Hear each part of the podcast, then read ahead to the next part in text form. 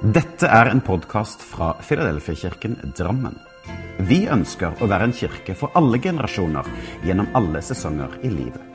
Vi håper denne talen vil skape noe godt, og at du kan finne både håp, trøst og styrke i den kristne tro. Les mer om vår kirke på filadelfiadrammen.no.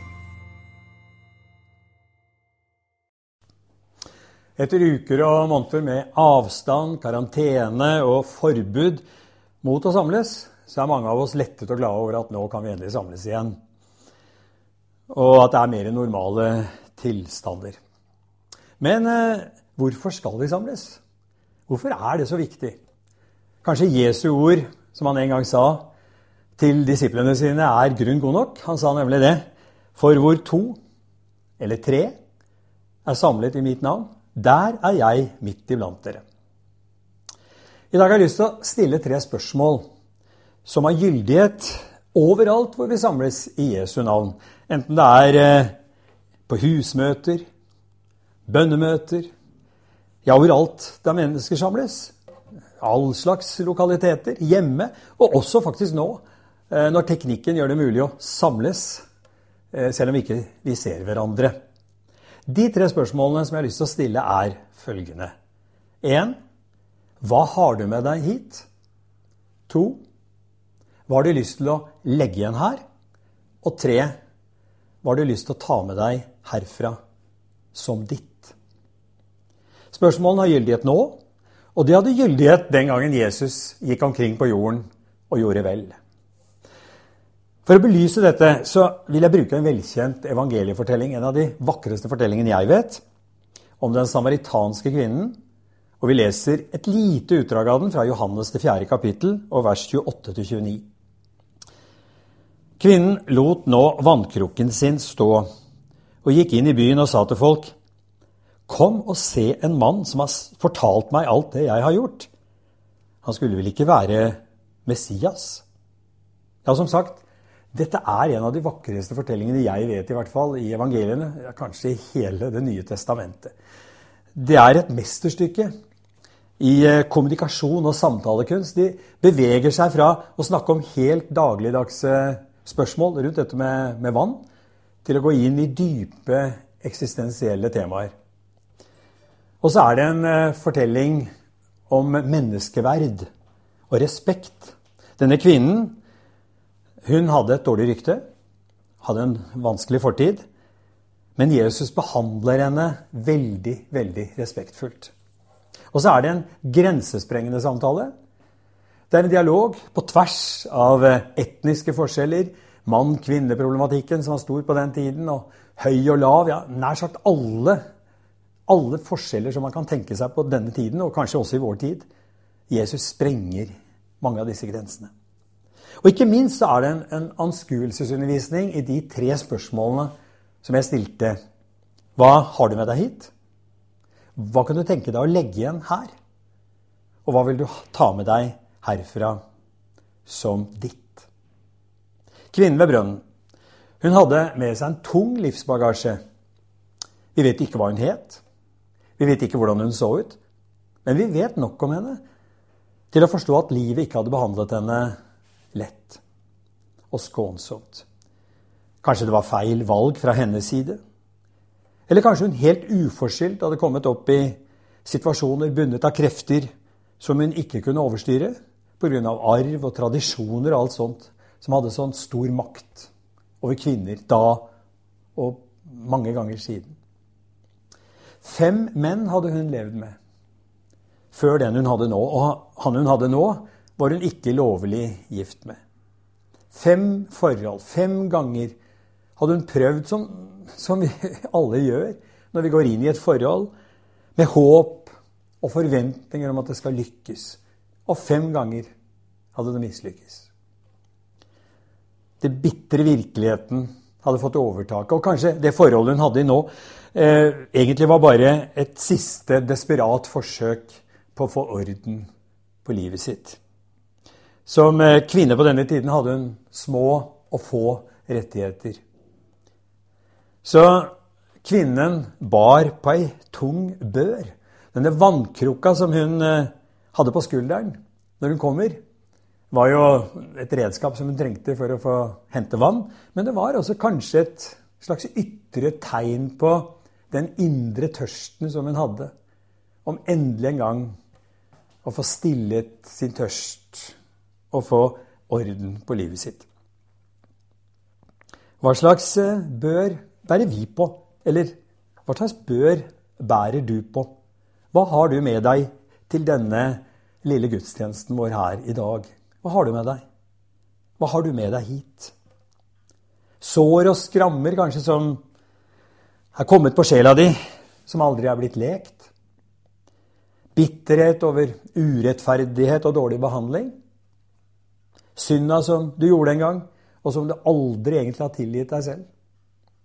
Bekymringer som holder på å ta kvelertak på deg. Eller eh, spørsmål om tvil og tro som du aldri deler med noen.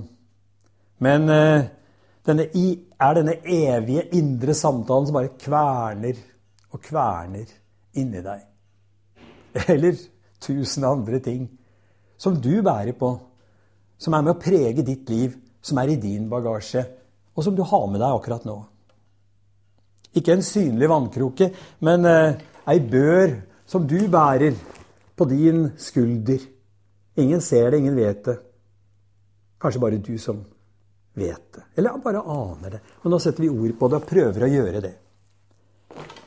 I belastninger som er påført deg, eller som du har påført deg selv. Som livet har påført deg. Hvor skal du gå med det? Hva skal du gjøre med det? Og hvorfor i all verden skal du gå og bære på det lenger nå?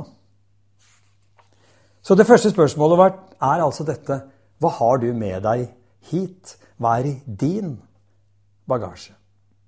Det andre spørsmålet, det var jo dette Hva har du tenkt, eller hva skulle du ønske å legge fra deg her i dag? Som jeg sa, dette er spørsmål som er gyldige hver gang vi er samlet i Jesu navn, uansett hvor, uansett når. Hva kunne du tenke deg å legge igjen? Legge igjen hos Jesus. Vi leste eh, i samtalen at eh, når den er over, så lar kvinnen vannkrukken stå.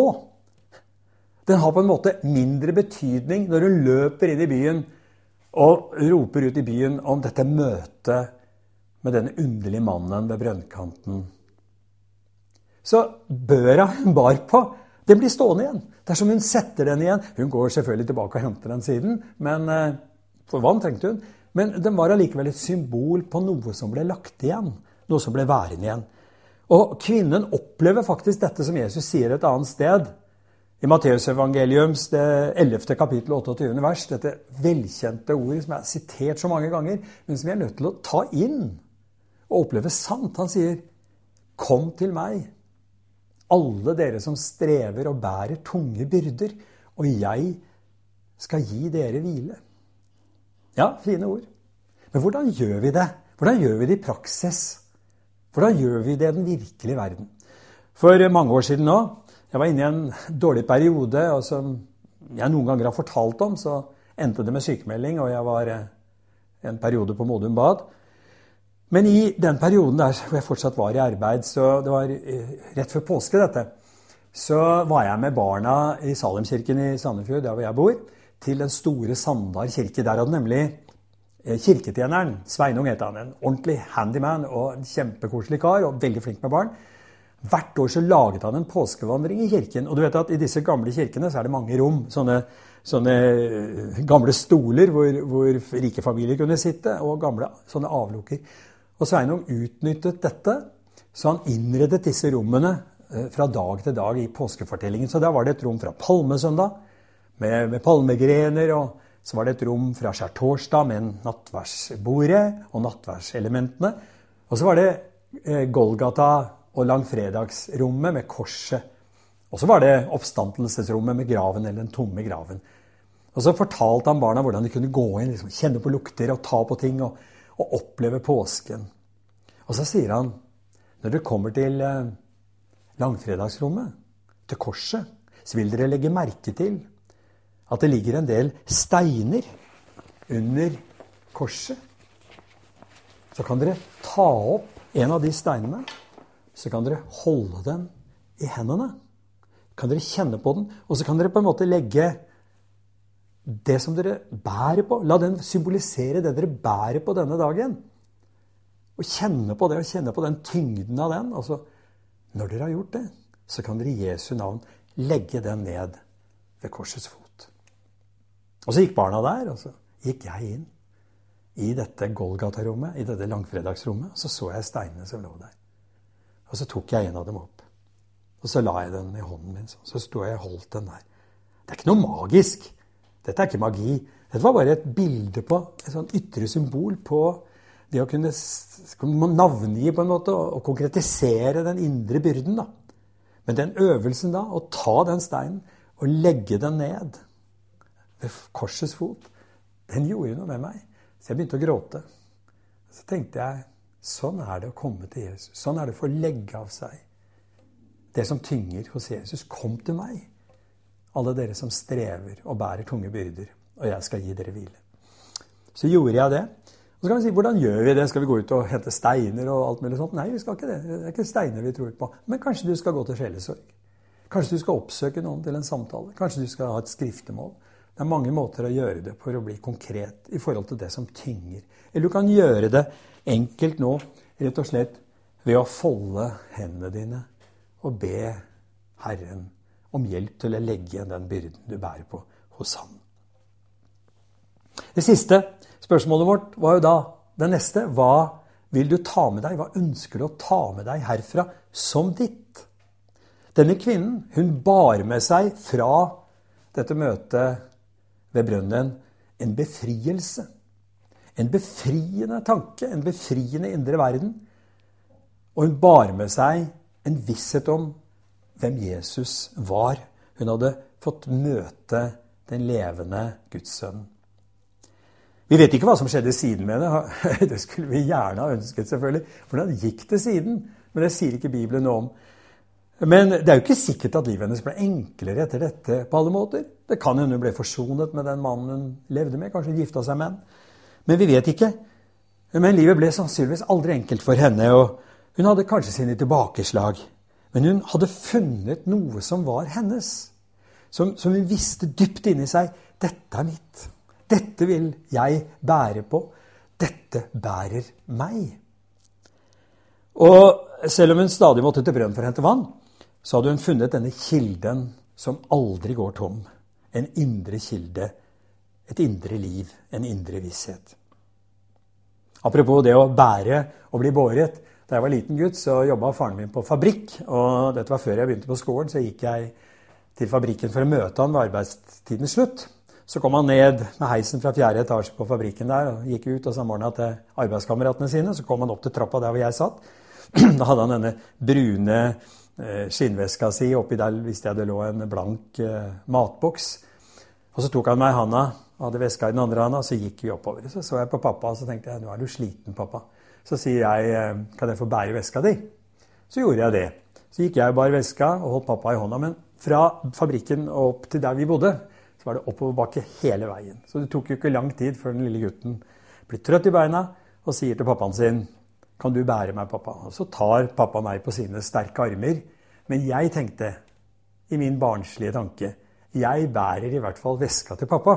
Det var først lenge etterpå, når jeg tenkte tilbake på dette, at jeg skjønte at pappa bar både veska og meg. Og i mine beste stunder så er det det gudsbildet som bærer meg. Disse tre spørsmålene gjelder her og nå. Ta vare på dem, tenk på dem og be over dem. Kanskje du opplever at det du har med deg som er ødeleggende for livet ditt, eller belastende i livet ditt, at du får hjelp til å legge det fra deg et sted. Og det stedet heter Golgata, korsets fot, hos Jesus. Kanskje bare i en indre samtale. Eller kanskje sjelesorg og samtale med andre. Da får du legge det fra deg, og du får ta med deg noe videre herfra som ditt. Gud velsigne deg. La oss be. Herre, takk for denne stunda. La oss tenke over hva vi har i bagasjen, og hva vi skal gjøre med det. Hjelp oss til å oppleve at vi får legge fra oss det som ikke er nødvendig å være der. Det som bare er til bryderi og vanskeligheter gjør vanskelig for oss. Og her er evangeliet unikt. Vi takker deg for dette gode budskapet, og at det vi bærer på, er det som tilhører oss, det som hører livet vårt til, og som vi skal ha der. Det ber jeg om i Jesu navn. Amen.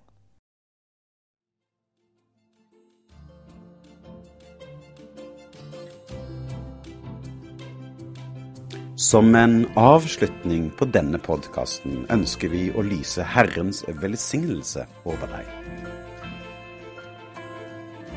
Herren velsigne deg og bevare deg. Herren lar sitt ansikt lyse over deg og være deg nådig. Herren løfte sitt åsyn på deg og gi deg.